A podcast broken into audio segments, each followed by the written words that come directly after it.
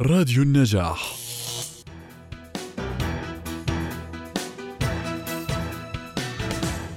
عيد العشاق أو عيد الحب عطلة رسمية عند كثير من الدول الغربية حيث تحمل العطلة أسماء اثنين من الأشخاص وهما قديسان مسيحيان يتم الاحتفال بهما وتكريمهما في يوم الرابع عشر من فبراير من كل عام. وهما القديس فالنتاين حيث كان يعيش في روما عاصمة إيطاليا والثاني القديس فالنتاين وكان يعيش في مدينة تورني. وكان القديس فالنتاين الذي كان يعيش في روما قسيسا في تلك المدينة وقد قتل حوالي عام 269 بعد الميلاد وتم دفنه بالقرب من طريق فيا فيلامينا وتم دفن رفاته في كنيسة سانت براكسيد في روما. حيث أن القديس فالنتاين الذي كان يعيش في تورني فقد أصبح أسقفا لمدينة إنترامينا الاسم الحديث لمدينة تورني تقريبا في عام 197 بعد الميلاد.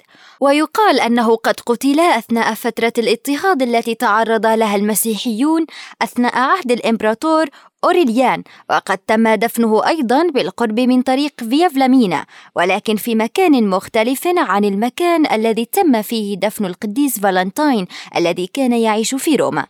أما رفاته فقد تم دفنها في باسيليكا كنيسة القديس فالنتاين في تورني.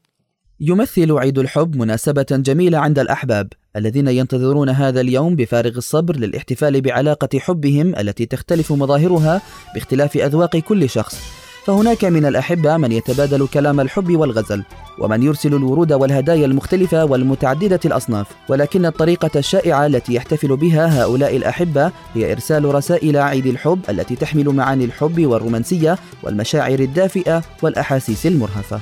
عيد وحب هاي الليلة الناس معيدة